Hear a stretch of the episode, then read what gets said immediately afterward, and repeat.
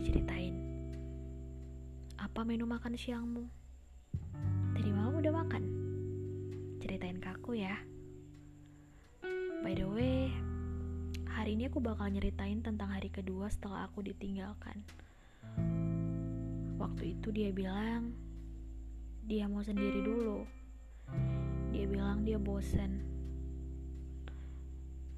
Dan ternyata di hari kedua, dia masih jemput aku untuk pergi kerja bareng sama dia.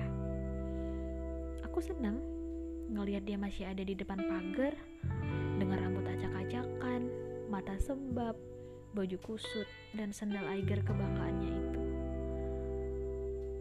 Aku naik, dan kita jalan. Tapi suasananya udah gak sama lagi. Biasanya di belokan teladan Ramayana itu dia selalu tanya, Ayang makan gak? Kalau aku bilang makan, dia bakal berhenti di depan kedokteran Umsu. Beli sarapan. Habis dari situ, kita nyebrang buat beli bakpo coklat kesukaannya.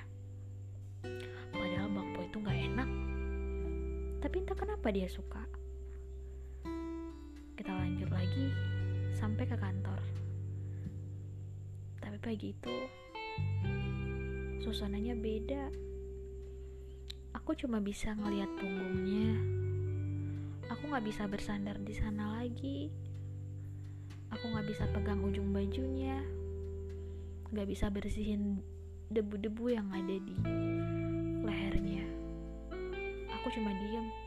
Dia diem sampai di depan kantorku.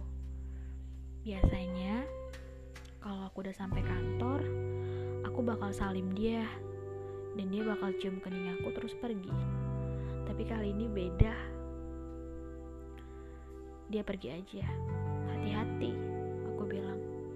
Dia nggak noleh. Entah kenapa, aku tuh nggak pernah bisa nangis di depan orang satu-satunya momen aku bisa nangis di depan orang adalah ketika aku ditinggalin sama dia. Bahkan aku nangis di depan orang yang gak aku kenal. Padahal, aku gak pernah nangis waktu sungkem sama orang tua aku pas lebaran.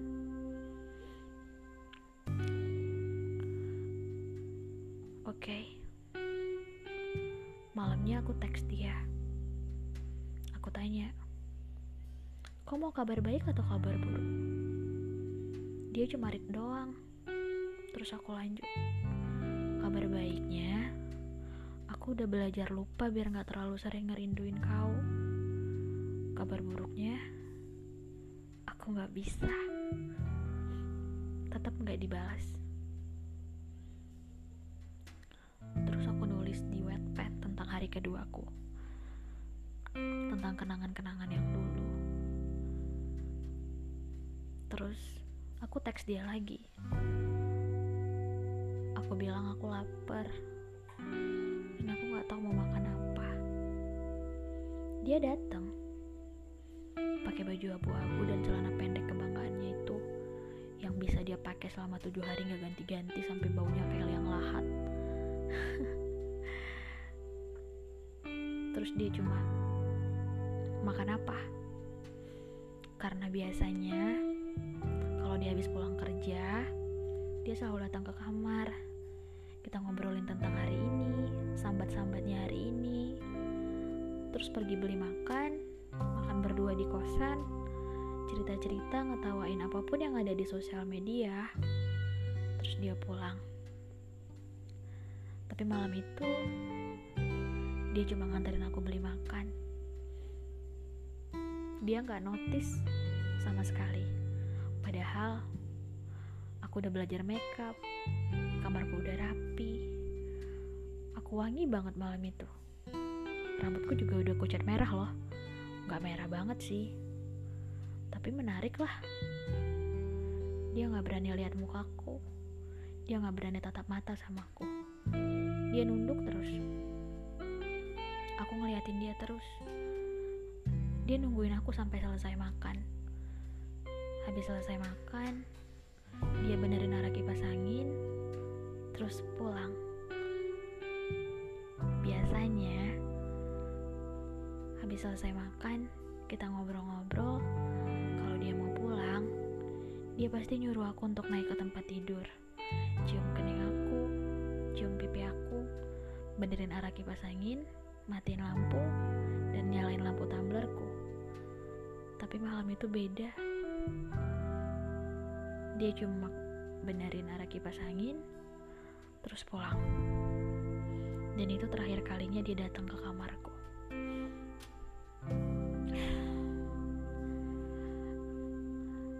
Besoknya, aku bangun dengan dada yang sesak banget.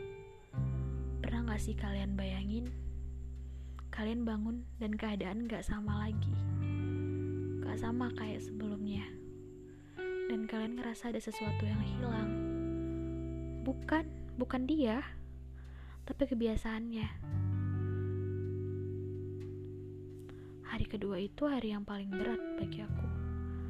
Karena malamnya aku tetap mencari tahu kenapa dia harus ninggalin aku dan kenapa dia butuh spasi. Padahal kita lagi baik-baik aja sebelumnya. Terus dia bilang, hidup sama aku gak normal. He just want to be alone. He just want the normal life. Aku tanya, bagian manaku yang gak normal? Hidupmu yang mana yang gak normal? Kau masih makan pakai tangan kanan? Kau masih ketawa ketika nonton film SpongeBob? Kau masih suka metos balado? Kau masih bisa bawa motor? Bahkan kau masih tahu yang mana perbuatan jahat dan yang mana perbuatan baik. Hidup yang mana yang gak normal? Dia gak jawab apa-apa. Dia bilang, biarin dia kayak gitu dulu. Nanti kalau udah waktunya, dia pasti bakal balik lagi. Aku setuju. Tapi aku gak bisa gak sedih. Aku nangis tiap malam. Malam itu Aku nungguin dia balik sampai jam 2 pagi. Ngarep-ngarep dia datang dari balik tembok untuk ngagetin aku. Minta maaf dan kita baik-baik lagi.